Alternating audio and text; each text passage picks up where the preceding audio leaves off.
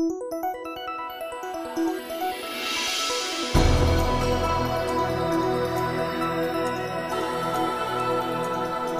өрхөм сонсогчдоо Игэл радио 91.1 радио жиргэн нэвтрүүлгийн мегмар гарагийн дугаар сонсогч та бүхэнд хүргэлэн боллоо. Нэвтрүүлгийг наран төгс гамбайр нар хөтлөн явуулна.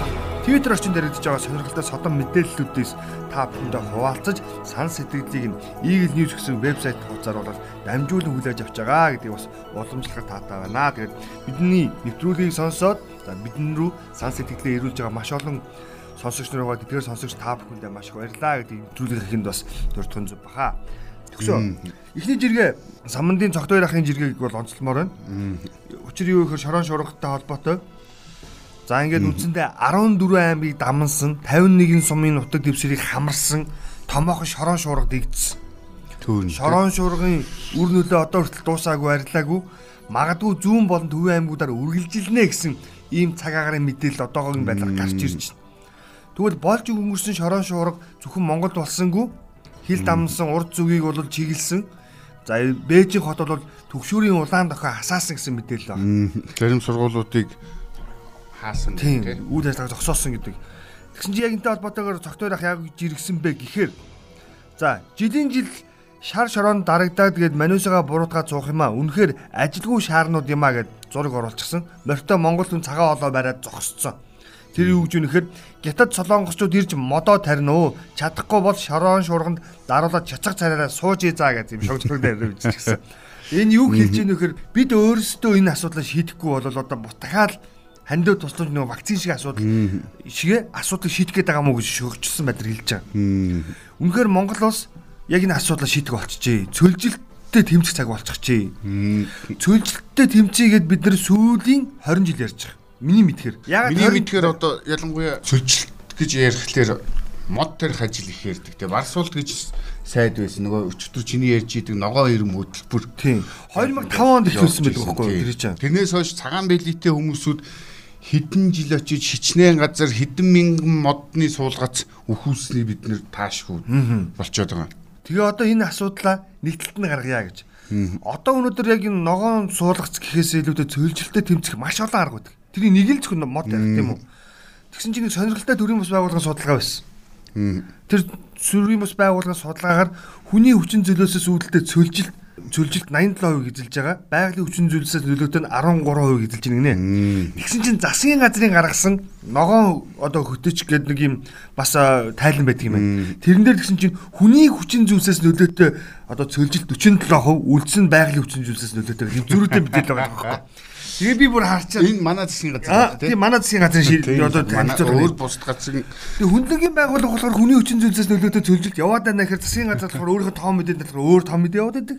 Гэхдээ энийг хэзээ болох гэдэг. Энд чинь нөгөө нэг засгийн газраас өгсөн нөгөө нэг уул уурхаан зөвшөөрлийн тооч энэ дэр ороод байгаа гэдэг ерөөсөй ойлгохгүй байгаа мó. Хийгээгүй хэрний хийсэн ажилтаа болох гэж харагдаад байдгийг харагдах гад байдаг. Тэрнийхээ тулд нөгөө тоон үзүүлэлтүүдийг өөрчлөөд идэх нэг бодит жишээ нь явж гин тий. Тэгсэн чинь наад асуудалтай чи холбоотойгоор юм олноо момо гэж алтарсан судлаач Яруу найрагч Батуйг уриалга гаргажээ. За Хятадын нэг алдартай тоогооч хэлсэн юм гинлээ. Хоолнд орох элдв нохоо амтлагчаа хийгээд хутгаад саваа таглаад хүлээ.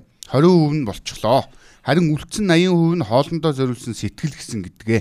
Түүнтэй адил нүх ухаад модны суулгацаа хийгээд анхны усалтаа хийлээ гэхэд ердөө 20% нь харин үлдсэн 80% нь модоо хайрлах сэтгэл юм аа.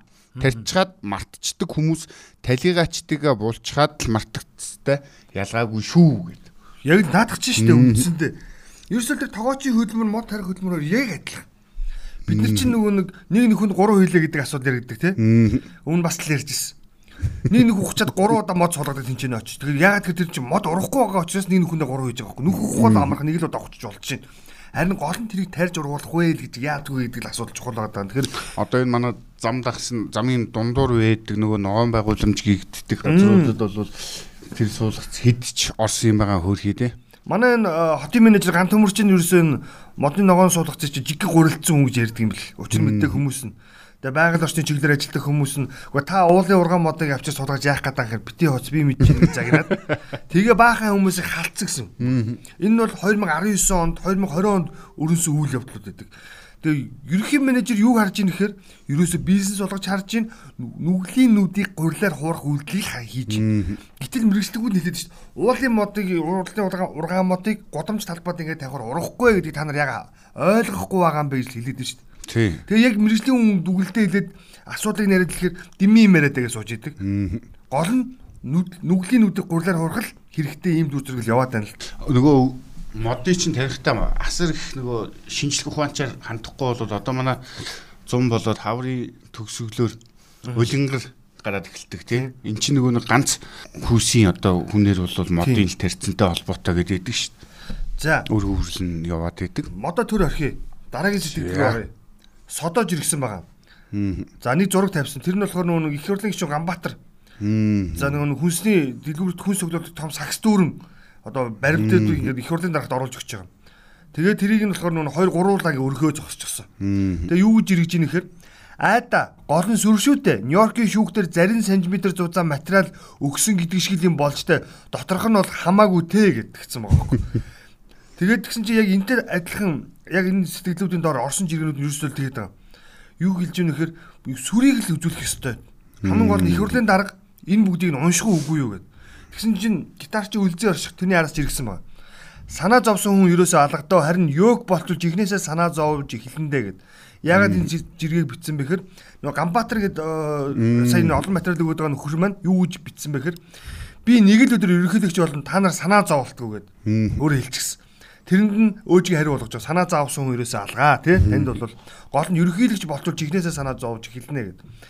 За тэгсэн чинь одоо манай гой гой хүүхнүүд бол тэгж жиргсэн байгаа дээ л шүү дээ. Тэр ишлийг нь аваад. За. Би бол яг вэ тэгж байгаа мис болчихноо. Гэтэ энэ хүн ерөнхийлөгч болов гэсэн. Тэгээ бас энэ дээр чинь тэгээд байгаа а Эрдэнэгээд нөхөрж иргсэн байгаа. Одоо ягаад тэр ерөнхийлөгч болохтой тухай холбоотой хүмүүсийн амбицуудыг хилээд шүү дээ. Тэгсэн чинь тэр хүн тэгж хэлж байна. Хорвогийн хамгийн адгийн хог шаарнууд нь Сүв Батолдын эсрэг байгаа үсттэй. Женко, Босооган ба шүүрт мөнх байсаа гих мэд нэг нь огт дипломгүй, нэг нь хуурамч дипломтой, нөгөө нэг нь хөлсний сэтгүүлж улсууд хорсох аргагүй үсттэй гэсэн. За энэ хувь хүний үзэл бодол. Гэхдээ араас нь буйна гэдэг нөхөр хариу бичсэн байна. Гэхдээ сүү биш хүүк өрсөлдөнгээ үсттэй яагаад сүү гүвэд байгаа юм бол гэдэг. Өөрөөр хэлэх юм бол Ганбаатар гэдэг нөхөр энэ 200 гаруй хуудас юм 200 гаруй материалыг их хурлын дарагт ингээд хүнсний сакс тэргээ дүүрэн гэ материал нь аваад өгчихсэн. Түүний араас гарсан юм одоо гэдэг сэтгэлүүд энэ орж ирж. Тэр эндээс нэг л зүйлийг харах гэдэг бид нар Монгол Улсын ерөнхийлөгчийн сонгуульд хин нэг нэр дэвших нь одоо гэдэг эргэцэн үед боломжоор нээгдсэн бол тухайн хүний л сонголтын асуудал. Гэхдээ тэхийн тулд улс нийгмээ гэж хувац талцуулж хэрэлдүүлэхэ болчооч ээ л гэж хэлэх гэдэг. Тэгээ бас энэ гайхаад байгаа юм буйнагийн асуудал юм даа.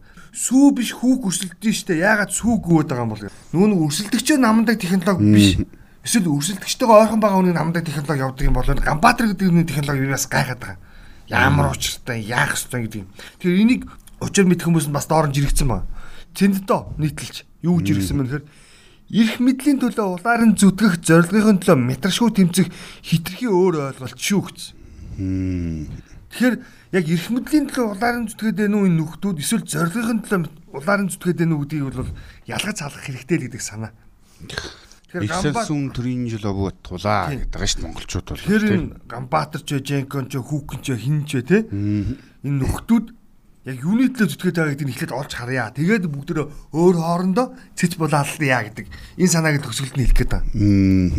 Манай энэ өвд Монгол нэг залуу байдгийн. За. Танах гэдэг би яаж юм.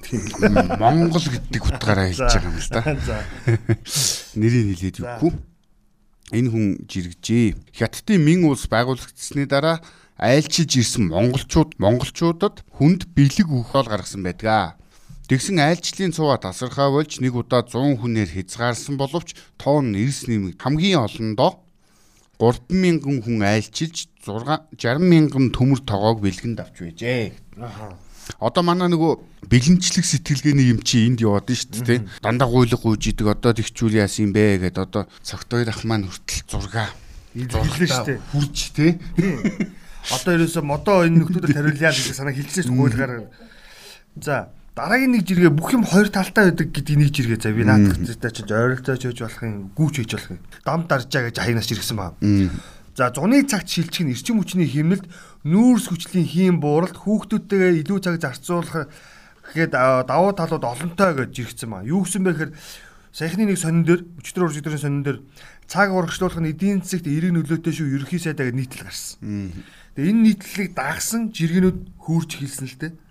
Тэгэхээр яагаад энэ нийтлэл гарах болсон бэ гэсэн чинь 2015 оны 3 сарын 20-ны өдөр Монгол улсын тухайн үеийн ерөнхий сайд чимдийн сайхан бэлэг шийдвэр гаргаж ирсэн. Засгийн газрын тогтоолдоор юу гаргаж ирсэн бэхээр ерөөсөө энэ өвлийн цагийн хуваар зуны цагийн хуваар шилждэг энэ тогтолцоог болёо. Энэ бол хүний эрүүл мэндэд сөрөг нөлөөлөлтөй буюу хүний одоо гэдэг дархлаанд одоо тийм сөрөг байдаг учраас энэ алхмыг бол эрүүл иргэдийн эрүүл мэндийг бодож энэ одоо шилждэг явдлыг зогсоолоо гэж хэлсэн. Үүнийг маш олон эрүүл мэндийн салбарынхны төлөөллүүдээр хилүүлж хагаад энэ шийдвэрээ гаргаж ирсэн. За тэгсэн чинь одоо буюу 5 6 жилийн дараа энэ шийдвэрийг нь өөрчлөё гэдэг уриалга нь арай өөр үгээр гарч ирж байна. Эдийн засгийн үр нөлөөллийг дээшлүүлэх гэдэг уриалгаар гарч ирж байна. Коммунизмын үеийн л нэг юм юм яваад шүү дээ. Тэр чинь коммунизмын үеийн эдийн засгийн чинь бол хамгийн алдагдaltaй. Тэгээ тэрийг ийм утга учиргүй юмнуудыгаа болохоор ашигтай ажиллаж гин гэдэг тэрний нэг илэрлэл нь бол наадах жил яваад байгаа байхгүй. Зуны цагийн хуваарь шилжлээгээд үнэндээ яг ямар тооцоо гаргаад ирсэн. Манайх чинь тэртээ тэргүй одоо энэ шүнийн тарифаараа тэгэлжиж шүү дээ. Тогоо тэр энэ дээр эдийн засгийн хувьд бол ямар нэгэн би бол юм гарна гэдэг бол бодлоо санагдаад. Дор сэтгэлүүдийг хараад хаад цаг урагшлуулъя гэж ярихаас илүүтэй өнөөдөр зүгээр л хөдөлмөрийн цагийн хуваарьт өөрчлөлт оруулаад хэлчих гээд байгаа байхгүй. Түүнээс өглөө 9 цостгийг 8 босгож ард түмний сэтгэл зүйг хуурах шаардлага байхгүй. Зүгээр л ажил хөдөлмөрөө эхэлдэг цагийн дуусгадаг цагийн хуваарьт л өөрчлөлт оруулж хэрэгтэй. Тэгэхэд шүн байна уу өдөр байна уу ялгаа байхгүй шүү дээ. Хоёул өмнө нь бас жиргэнүүд өнсөжсэн нөө томокогийн жиргэж гисэн байжсэн шүү дээ. Япончуудын эд хөдөлмөрийн насныхан шүн амьдардаг гэдэг. Харахад ажилтаа явдаг харахад гэртээ. Тэрэн дээр шүн оройны цагийн хуваарьсаа үйлчлэхгүй байгаа шүү дээ. Зүгээр л хөдөлмөрийн цагийн хуваарьт л өөрчлөлт орсон. Тэгэд нэг шийдвэрийг нөгөө шийдвэрээр үгүйсгэх энэ байдлыг эзэн арилгах гэдэг юм бэ. Өмнө нь ингээд жишээлбэл арчилсан намын засгийн гаргасан шийдвэрийг ардын нам заавал үгүйсгэх ёстой бол энэ цагийн хуваар гэдэг юмыг зуны цаг, өвлийн цаг гэдэг юмар шилжүүлэхэ болж тий. Зүгээр л ингэж шилжүүлэх гэж байгаа ингэж суур бэлдэж мессеж бэлдэж тий ард түмний тархийг угаах гэж үгүй маа. Зүгээр тэр байгалийн цагийн байгалийн харанд байлга гагцгүй хөдөлмөрийн цагийн хуваарьт өөрчлөлт оруулаач ээ л гэж. Тий, хөдөлмөрийн цагаас гадна одоо энэ үйлчлэгээний цагийн хуваарьт төрөөс зохицуулт хийгээд идэг юусоо гайхаад идэв. 24 цагаар дэлгүүр ажилтдаг байхад ямар байсан те? Бар ресторанууд байхад ямар байдаг вэ? Манай энэ нөгөө нэг эдийн засгийн бүтц чи өөрөө үйлчлэгээний хийхэд дийлээд тий тэгээд уул уурхаа түшгэлсэн л ийм л юм байгаад байгаа шүү дээ. Тэгэхэд чин тэртээ тэрүүдээр аж ахуйн нэгжүүд бол ашиггүй байх юм бол ажил нь байна өөртөө сонголт шүү дээ. Тий. Дихгүй нэг ингээл төр нэг ийм мундаг одоо онго одоо хаа гэдэг гай болоод идэв дандаа. Одоо өнөөдөр яах харахгүй 24 цагийн хоолны газар хэрэгтэй юу? Хэрэгтэй. Хүнсний дэлгүүр, барааны худалдаа авалт хэрэгтэй юу? Хэрэгтэй байгаад идэг. Гэтэл бүх юмыг байгалийн наранд зарцууд тааруулаад өглөө тэдээс онгоогоор оройд тэдээс хаагаараа гэдэг захиргаадг одоо болох хэрэгтэй байхгүй. Тийм. Тэртээ тэргүй энэ W манайхны дуурайх дуртай Америк тийм үү? Манайхны жишээ авдаг Орос тийм үү? Бидний бизнес суралцдаг хятад гэсэн энэ гурван том гүрэн гурлаа эдийн засгийн хувьд бол цагийн хуваарийн хувьд өөрсдөнд нь олгоцсон шүү дээ. Үнэхээр ажилламаар байвал та шөнө ажил Тэгвэл та ийм ийм ийм хуулийг зөрчиж болохгүй гэдэг эрх зүйн хэм хэмжээг нь загаал журамлаад өгчихсөн юмнаас биш тухайн хүмүүсийн ажиллах хэсэг цагийн хуваарьт ямар нэгэн байдлаар халдаагүй. Жишээлбэл өндөр хөгжилтэй Европын орнуудад за нэг хөгшин гэж хэлэгдээд байдаг дундыг баримтлаа Швейцарт яадаг вэ гэхээр хөдөлмөрийн цагийн хуваарийг өөрт өгсөн. За та нар ингээд өглөө 9-өөс 17 цаг хүртэл ажиллаарай. 18 цагаас хойш та ажиллахгүй шүү. Хэрвээ үнэхээр та ажилламаар байвал ашиг орломоор орлого орломоор байвал та өөрөө ажиллавал тэнд хин нэгэн хөлсний ажилтан байх шүү. Дэлгүүрийн эзэн гэдэг юм рестораны эзэн өөрөө ажиллана. Мөн үү? Хэрвээ та хин нэг нэг буюу хин нэг ажилтнаа ажиллуулах гэж байгаа бол амралтын өдрүүдээр тийм ээ уртцсан цагаар ажиллуулах гэж байгаа бол тэр хүнд цалин үлсийг нь тэдээр нэмж бодож олгоно. Үндсэн цалингаас нь илүү цагийн хөнгө тийм ээ. Тэгэхээр би бизнес эрхэлж байгаа хүн ашигтай ажиллахын тулд за нөгөө 9-өөс 17 цаг хүртэл ажиллаад дэлгүүрүүдэд хаачин тий. За би илүү цагаар ажиллаж байгаа болвол нөгөө ажиллуулж байгаа түрээсээ ажилчид байна шүү дээ тий. Тэдэртээ дандаа 2 нугаас илүү цаг бодоод өгөх ийм их зүй зохицуул. Тэгэхээр би чинь ашиг олгосоо илүү алдагдaltaд орох гэдэг учраас нөгөө цагийн өрөөл мөрдөн. Ерөөсөө ийм зохицуулт хийж байгаа. Чи илүү ашиг олж явах юм бол тэр хүмүүсээ ажилуулаад ажиллах байхгүй. Тийм. Ийм л ерөөсөө зохицуулт байхгүй. Энэ өөрөө дэлхийн улс оронд мөрдөгдсөн практик байхад манайх тэрийг хүчээр шүн ажилламаар хагаад ашиг хиймээр байгаа хүнийг нь явжаад чи ашиг олж олохгүй гэж байгаад адилхан шууд эрхэнд нь халдаад байна л гэж. Нөгөө эдийн засгийн далдгар гэдэг юм гээ чин зохицуулдаг юмыг л те төр зэсгээс үүсэх гээд байдаг. болоо байна. За дараагийн нэг яг энэтэй утга агуулга нэг юм байна. Одон жимдийн одоо ирж иргсэн. Юу гэж иргсэн бэ гэхээр энэ хүн бас би мэднэ л дээ. Бас гайгүй бас анхны нэлээд их одоо тийм оюунлаг гэж хэлдэг гадаад боловсрол эзэмсэн нөгөө нэг бизнесмэнүүдийн тухайн үеийн 90-ад оны бизнесмэнүүд гэж ярьдаг те тэдний нэг л те одоо бол бас нас агцсан ийм мундаг бас нэг хүн байдаг. Энэ хөр юу гэж ирсэн бэхээр хүүхдийн онлайн хичээл гэж үнэн хэцүү хин нэг нэгэ хуурсан юм болж байна. Сүүлдээ эцэг бид нар хичээл хийхэд дутуу анхаарсан хэрэгээр буруудах тийшээ боллоо шүү гэд. Ерөөсөө юм. Боловсролын ам улсын онцгой хэмсээс юу хэлж яах нэхэр та нар тэл болон захин хичээл тасалж болохгүй гэдэг хатуучийг өргөх гэсэн. Ямар нэг байдлаар тасалдуулж болохгүй энийг ерөөсөө ингээд одоо юу хөл хорионы хязгаарлалтын хугацаанд бүтэн гаргаж авах хэрэгтэй гэдэг чиглэл өгсөн. А хэрэн тэр хичээл хүүхд сууж байгаа үгүй юу? Тэр хичээл хүүхдэд мэдлэг олгож байгаа үгүй юу гэдэг эцэгчүүд хяналт тавинад хайцсан. За ингээд дараа нэгэд хичээл сургууль тахимаар эхлээд нөгөө хичээлийн хоцрогдол яриад эхлэхээр бид нар хичээлөө заасан дээ. Тэ?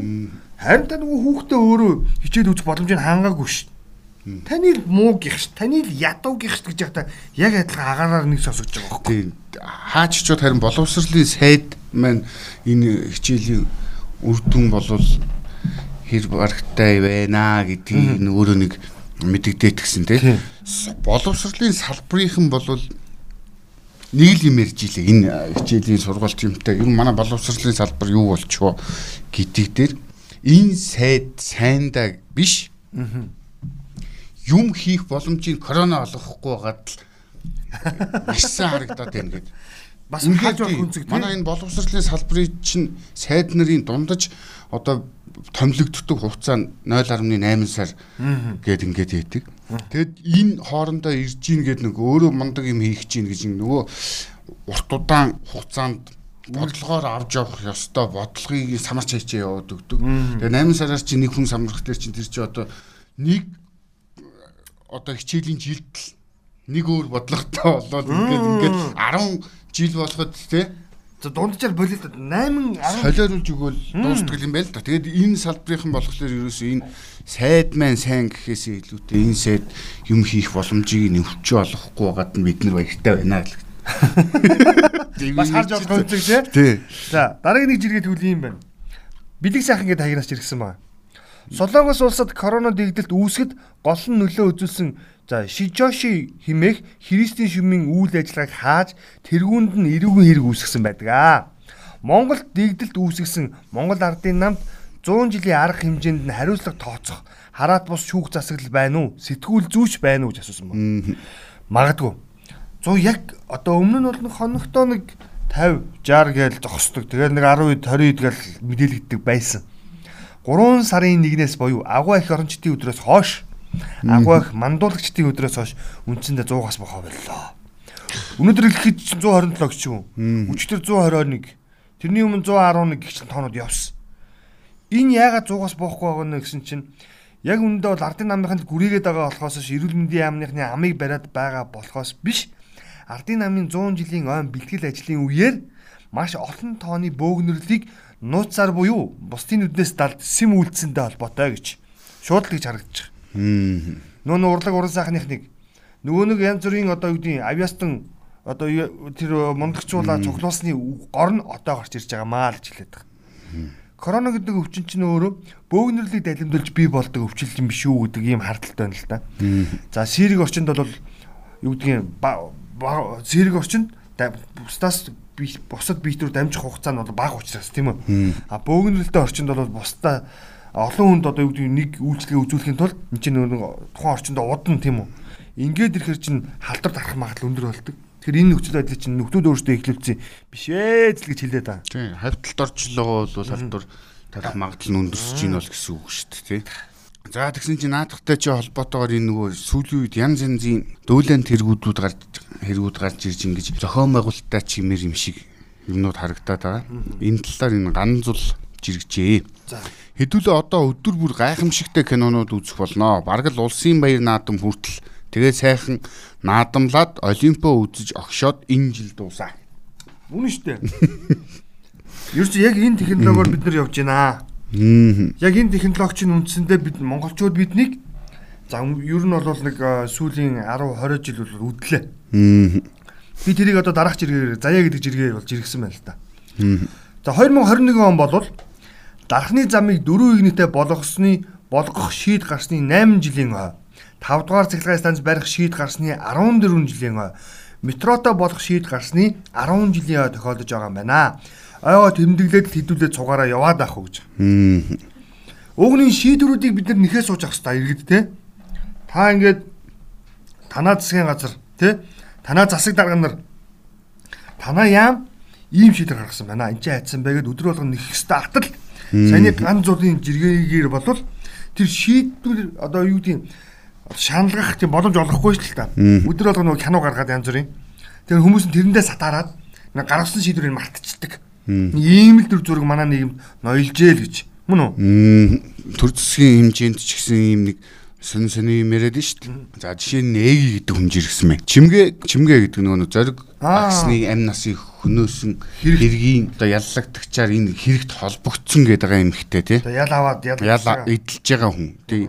Чимгээ суллах ёстой. Болохгүй бол хуулийг нь өөрчлөөд суллуулна гэж улсын хурлын дарга ярьж дарга нь ярьж шуулганаа нээлээ. Бусад хүмүүсийн эрхийг яах вэ гэдгсэн маа.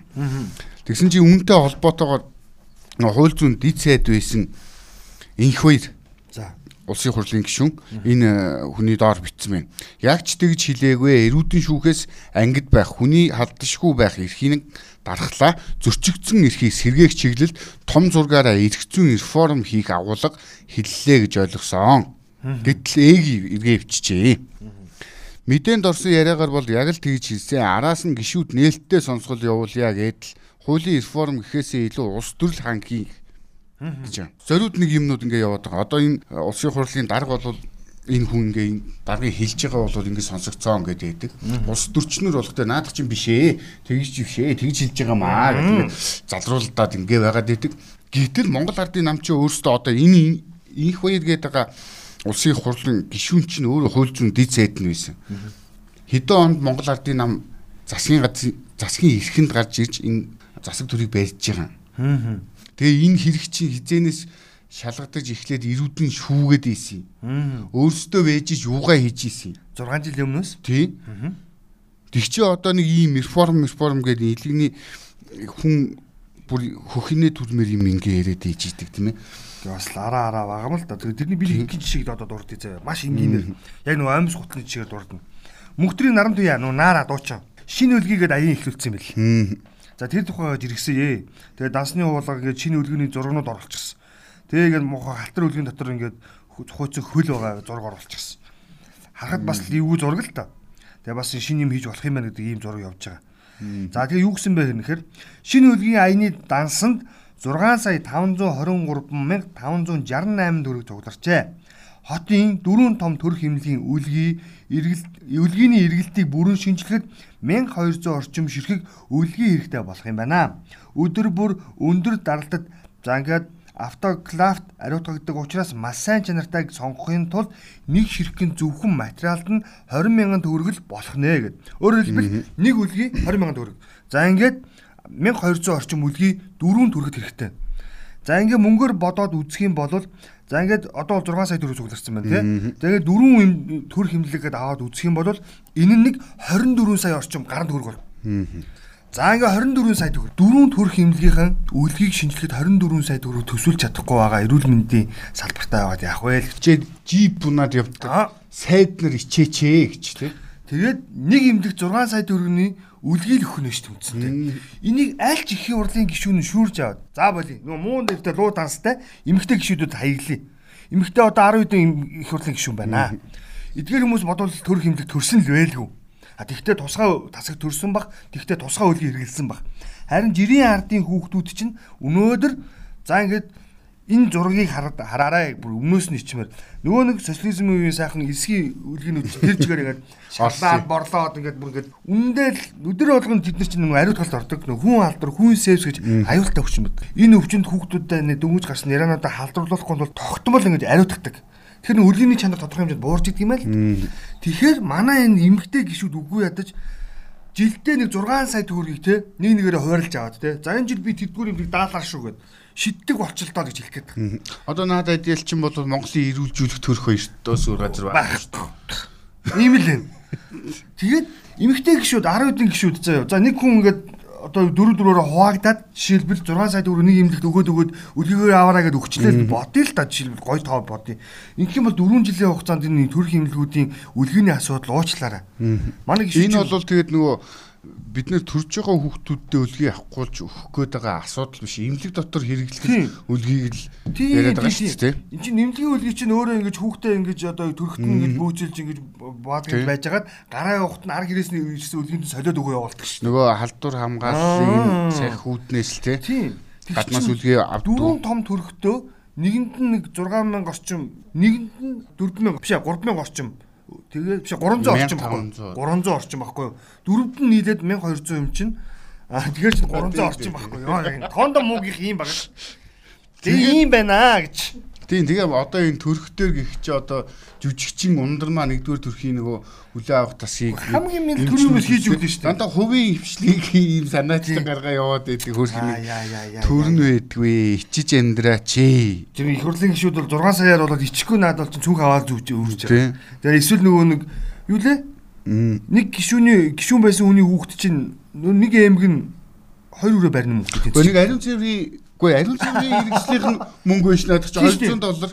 Тийш тийм. Тэрнээс ийм л юм хийгээд байна да нөхдүүд гэж хэлэх гээд байгаа. Тэгээ манай эмгтэй гişүүд хэрвээ одоо энэ дуучин гэх нийгэмд итгэвтэй байдаг, нийгэм зөвчөнд итгэвтэй эний эмгтэйг аяныг хэрвээ сонссон бол те санаачлагаараа өөрсдөө гүйж очиод те За энэ асуудлыг шүүрж аваад нэг нэг имлэгийн жил жилээр дагаа явчихаач. Та нар тийм Тэгээ үгүй сэтгэл байна уу байна. Сэтгэл өөр ажиллаад хийх хэрэгтэй байхгүй да энэ хүмүүс чинь? Тийм биз дээ. Бид даалгамааргүй шүү дээ. Бид нар гуйлга гуугаагүй шүү дээ. Тийм биз дээ. Энэ чинь төрийн үүрэгч хяналт энэ чинь төрөөс ард түмнийхээ өмнө хүлээс үүрэг нэмч үүргээд биелүүлэх хэрэгтэй байхгүй тийм? хийчмээр л да. Тэгээд сэтгэл гэж хаана л Тийм арчаагүй ийм болох зэрэг нөгөө нэг жагсаал цэглаан дээр бол ээлви зүгэл очоод байдаг. Мөнгөгийн оюун чим гişүн бол тийм ээ. За жоохон стрессчлээ тий. Йоо зүрх зүрх сонслаа гэж. Нэг жоохон хөвгчлөлтэй пост орлоо. Чи нөгөө одтой бүжиглийгээд шоу өнгөрсөн 7 хоногоос гарч ирсэн юм байна. Аа тэгээд оддууд орд юм байна. Тэгсэн чинь гэрлээ фит гэдэг аягнаас жирэгжээ. Ангууч тэгсэн гинэ гэж. Ангууч гэдэг залуу бол нөгөө нэг мундаг нэг залуу байдаг те. Бас л олны тавьж штэ. Тий. Одоо юу нэг файтинг кикбокс дээр хичээлдэг. Юм юмар. Хичээлээд байдаг энэ залуу үеийн том төлөөл байх шиг байна. Гэсэн чи ангууч тэгсэн гинэ. Игчээ би одтой бүжиглээд орж байгаа гэсэн чи их чинь Аа за миний дүү хин гэдэг оттой хүжиглэх юм гэсэн гинэ. Өөрийнх нь битсэн босчүү гэв. Уг нь өөрөө од гэж. Уг нь од байгаад байдаг. Хэлээд байдаг. Ихтгэл хичил байдаг тийм. Тэрийг хэлж штэ. Нөгөө нэг юу сайхан мэдээ байна. Чипухо Монголд иржээ. Оо за. Минмарт байсан. Яг нөгөө Минмарт үүссэн нөхцөл байдлын улмаас маш олон бас жиргэг бол илэрхийлжсэн. Тухайн нөхцөл байдал хүнд байна. За Монголын төр өөрөө бас яг ямар арга хэмжээ авахыг харж л бай. Байгууллагын шогмоор их орондоо харихыг хичээнэ гихчлэн биччихсэн. За одоо бол өдөрт хэдэн хүн аймнаас эрсэлтлээ. Анх нөгөө бас 19 настай охин эрсэлтсэн тухайн мэдээлэл бас олон нийтэд хүргэжсэн ийм нэг иргэн байсан тэр хүн өнөөдөр Монголд ирсэн маань өчтөр энэ хүн чинь нарийнтаар явж ирсэн гэсэн мессеж бас явуулсан байсан. Тэгээд өнөөдөр бол ингэж энэ Монголд байгаа нөө цас орцсон байгаа өнөө өглөөний дөр зургийнхтай зургийг нийтлээд гэрийнх нь хаяг нь би хилээд өгөө гэл 13 орчим амьдрд юм байна гэл. За Монголд Монголдоос ирсэн өглөөний мэд Минмараас Монгол хүртэл хамтдаа байсан бүгдэд баярлалаа гэд. Чам ч гэсэн бас амжилт төсөө бас аюултай бүс нутгаас ингээд эсэн мэндийн хорондоо хурж ирсэн. Тэгээд нэг ч гэсэн иргэн маань тий энэ иргэндээ бас ажил үйлс өндөр амжилт хүсье гэж тодорхой би ягаад хүсээд амжилт хүсээд байна гэхээр мэдээллийг маш түргэн шуурхаа те хүргэжсэнд бас баярлалаа гэж хэлэх гээд байна. Одоо бидний нөгөө нэг хүсээд идэг нэг цэргийн ийм ийм ичтэй энэ юмнууд чи юунд хүрэж ийн вэ гэдгийг л яг энэ залуугийн мэдээнээс хүмүүс бол нэлээд сайн харсан баг тий. За тэгсэн чинь нэг ийм жиргээ байна. Одоо туунтахгүй ирчүүдийн баяр болгож байгаа. Тэ холбогдуулаад нэг ийм жиргээ байна Ажилдаа маш сайн боловч нэг арх уухаараа 2-4 хоног арх уучдаг барилгын инженерийг яаж ажилуулах ёстой вэ? Архинаас гарах эмчилгээнд явуулах талаар өөртөө нь ярилцмаар санагдаад байх юм аа. Хүлээж авах болов уу? Од гэрэл гэдэг хүн аргаа бараа биччихээ. Тэгсэн чинь энэ доор хүмүүс ингэж хэлсэн юм аа. хүн өөрөө хүсэхгүй бол архинаас гарна гэдэг хэцүү дээ. Сард 2-оос 4 бас гайгүй. Тэгээд уухад шалтгаан байдаг ямар ч шалтгаангүй илэрдэг зам байдал гэж байхгүй. Тэгээд яванда зуршил болон донт нь сэтгэл зүйч юм уу сэтгэл засалт эмчил хэрэгтэй болох нь дээ гэсэн чинь ааха гэд нийтэлж байдаг те. Ашиг тэгжээ уухад шалтгаан байхгүй зүгээр л уумаар санагдаад л уудаг юм. Харин уухгүй байхад л шалтгаан хэрэгтэй дээ. За тэгээд ер нь 2-оос 4 хоногоос цаашаа итерхгүй бол боломжийн тоо нэгээс 3 болгох тухайл ярилцаж болох юм аа. Яг тэгвэл би наадах чинь нөгөө имчилгээнд явахгүй л дээ. Явсан ч иймэрхүү чадвартай мэдлэгтэй хүнд нөлөөх нөлөөлөхгүй. Харин яг тийм байхгүй. Өнөө өнөө би наадах чинь бол ойлгож байна. Тэр анх зөвлөгөө хүссэн нөхөр шүү дээ, тий. Тэр нэг бол зөвлөхөд бол над хүндээ ах нэг юу гэдэг үл хөдлөх хөрөнгө гэдэг шиг хадгаламж нэдэг ч юм уу, тий. Нийгмийн асуудалд нь дэмжлэг үзүүлэх маягаар баярлуулсан зүгээр ах тий. Хуунд найзтаарс авч өгөөд яг өөрөө бол ойлгож байгаа юм чинь хайштай хамтран ажилладаг юм чинь за ингээд баяр юм чинь чамаагийн тэгсгээ баярлуулчих гэх тий. Тэгээд нийгмийн халамж талаас нь баярлуулбал зүгээр байх гэж би зөвлөж ин хувьдаа. Харин сэтгэлдүүдээр бол би санал нэг байна. Яг ингээд хэцүү байхгүй юу гэд манай нэг таньдаг ах байдаг нэрийн дурдаад яг бас олонний танил. Тэгээд нөхөр бас яг бас уухаараа бас олон хоног явдаг. Тэгээд асуу нөхрөөс асуусан л та. Та ингээд яагаад олон хоног явдаг юм бэ? Болж болдгоо хүмүүс та нар юус ойлгодог шүү дээ. Яагаад гэсэн чи. Тэгээ цаас нэхэд идэг байхгүй юу. Тэгээд яагаад тэгээд игээл имчилгээндээ бол буцаад ороод идэг шүү дээ. Имчилгээнд ч гэсэн тэд нар чи имчилгээ ойлгодог юм. Яагаад юм вэ гэдгсэн чинь. Яг ингээд имлэгт ингээд салгалаад өгөх гал хордог яваад ордог. Эмчнэр загнаал глюкоз хийгээл ингээл нэг тариа ижил гүүгээл алга болчихно. Тэр орн миний хажууд хэн байдаг гэж хинч эмчнэр сувлэгчнэр байхгүй. Зөвхөн надтай зовлон нэгтэн миний нөхөр л байгаа. Яг адилхан нөхөр шарж байгаа бас имжлүүлж байгаа. Тэр нөхөр гүйж осоод хажуудлын хамгийн ойрын дэлгүүрээс нэг юм 50 г-ын нөр жижиг алхууд гэжтэй үлдээ. Тэрийг гүйж орж ирэл ганцхан ундгалаад хийгээд өгөхөд хөөс гараа сайхан болно штэ гэж. Тэгтэл нөгөө төд бодлого сувлэгч орж ирнэ гэж. Тэр мус хордсон балиар юм глюкозгод ийм сайхан болж байгаа үстэй гэж авдаг штэ. Тэр глюкозных биш ээ. Тэр чин тэр 50 г-ных шүү дээ гэж хэлж байгаа байхгүй. Тэгэхээр тэр хүмүүс бол яг үндэ бол зүгээр сэтгэлийн юм. Одоо арх унаа гэдэг чинь. Яг дөрөвний бас нэг жиргээ байсан те. Зүгээр л болиг гэвэл болчил юм штэ гэдэг чинь л аахгүй. Тийм, сайн явах санааных, саар явах заяаных гэдэг байгаа шүү дээ. За, бас нэг жиргээ байдаг штэ. Нүн эрэгтэй хүнийг бол хизээч засаж аавна гэж байхгүй тий. Харин байгаа тухайн орчин нөхцөлд нь дасаж амьдрын л гэдэг чинь одоо зөв шүү дээ л гэдэг штэ. Бас тэрийг хэлчих юм бол урдах юм бол яах юм бол. Энийг би андуураагүй бол энэ бомбоор гэдэг нэг эмч бүсгүй байгаад байдаг нөгөө энэ вакцин энтрийн талаар нэлийн мэдээлэл оруулж байгаа харагддаг. Тэр жиргэжээ. Ажлын утас руу залгаж танаад бумбак гэж юмч байна уу гэж ярьсан жиргээчийг алын шүү. Эцэг хүн чинь бас нэрээ хэлмээргүй шүү дээ. Мэдээлэл баваад таньдгэлэн баваад те. Бас нэг иймэрхүү нөхцөлд бас бодолтой байх хэрэгтэй. За тэгсэн чинь тий энэ ерөнхий сайдаас болоод эмгтээчүүд маань цэрэгт явдаг болох онгойнууд гараад эхэлжээ. Тэгсэн чинь ингэж гэрлээ гэдэг хаягнаас самар идээд ч ойлгохгүй нэ гэд нэгэн бичиг ширлэлцсэн байна. За. Тэрэн дээр юу гэсэн бэ? гэсэн чинь 3 жил цэргийн албаа нэр төртөө хааж ирчээд 5 сартай охинтойгоо уулзч буй ээж байна. За. Юу гэж ойлгох юм бэ? Харин юу гэж ойлгох? 3 жилийн өмнө цэрэгт явсан. Тэгээд 5 сар. Хаагаад ирсэн. Тэгээд охин 5 сартай Тэгэхээр энэ цэргийн дарга маргын л хүүхд байх гэдэг шиг биш. Цэрэгт байхдаа төрсэн болов эсвэл үгүй ээ. Байж би ойлгохгүй юм. Самар идэж ойлгохгүй юм нэрийг гэсэн. Наадах ч юм бол ёстой ойлгохгүй юм. Тэгсэн чинь энэ бас нэг энэ жиргээч дунд бас янз янзын юм байдгийн юм шүү вэ шүү. Дөөдөө охин гэдэг хаягнаас жиргэжээ. Жиргээ зааж өгнө гэд намайг жирэмсэн болгосон залуу энд их од юм аа гэдэг Тэгсэн чинь наадах Тэгсэн чинь энэний доор нь анх намайг жиргэнд орж ирэхэд FFM-нд гээд мөнгө төлдөг гээд сарын хураамжинд нь 20 доллар авсан хахад миний энэ жиргээ хүртэл эртвит хийгээд өгнүү доллар авъя агаа гэж. Тий наадах чинь тэгсэн чинь бүр сүулдэ 3 сэтгэлдүүд нь уншаад яваараа заа бүр. Үлгийн За наач 20 доллар чинь баг байна. Хамгийн дээд нь 300 сүүн байдэн штэ гэ наа чинь. Тэгсэн чинь бас сэтгэлэг нь сэтгэл нь юу гэж орж ирсэн бэ гэхээр аа минийх мөнгө төлөөгүй учраас юм цөөхөн дагагчтай байгаад байгаа мó гэхэд ийм юмнууд маш их байсан юм байна. Тэгээд анх нөгөө нэг Twitter гэдэг юм чинь шинэ аппликейшн бий болоод тэгээд мэдээч хэрэг нөгөө хилтэй устаа нөхдүүд нь түгээн дэлгэрүүлээд тэгээд нэг зааж өгөх гээд бас нэг сайн муур багш нар их олон гарч ирсэн юм шиг байна тий. Тэгээ муур багш нар одоо энийг хараад бас боддог л хэлгүй бодвол тэгээ бодвол шилдэг муур багш нар бол нэрээ хаягаар зүсээ солилцсон л байгаа л. Чи одоо ир Демос имэн Эрдэнэгүй хүүхд юм уу?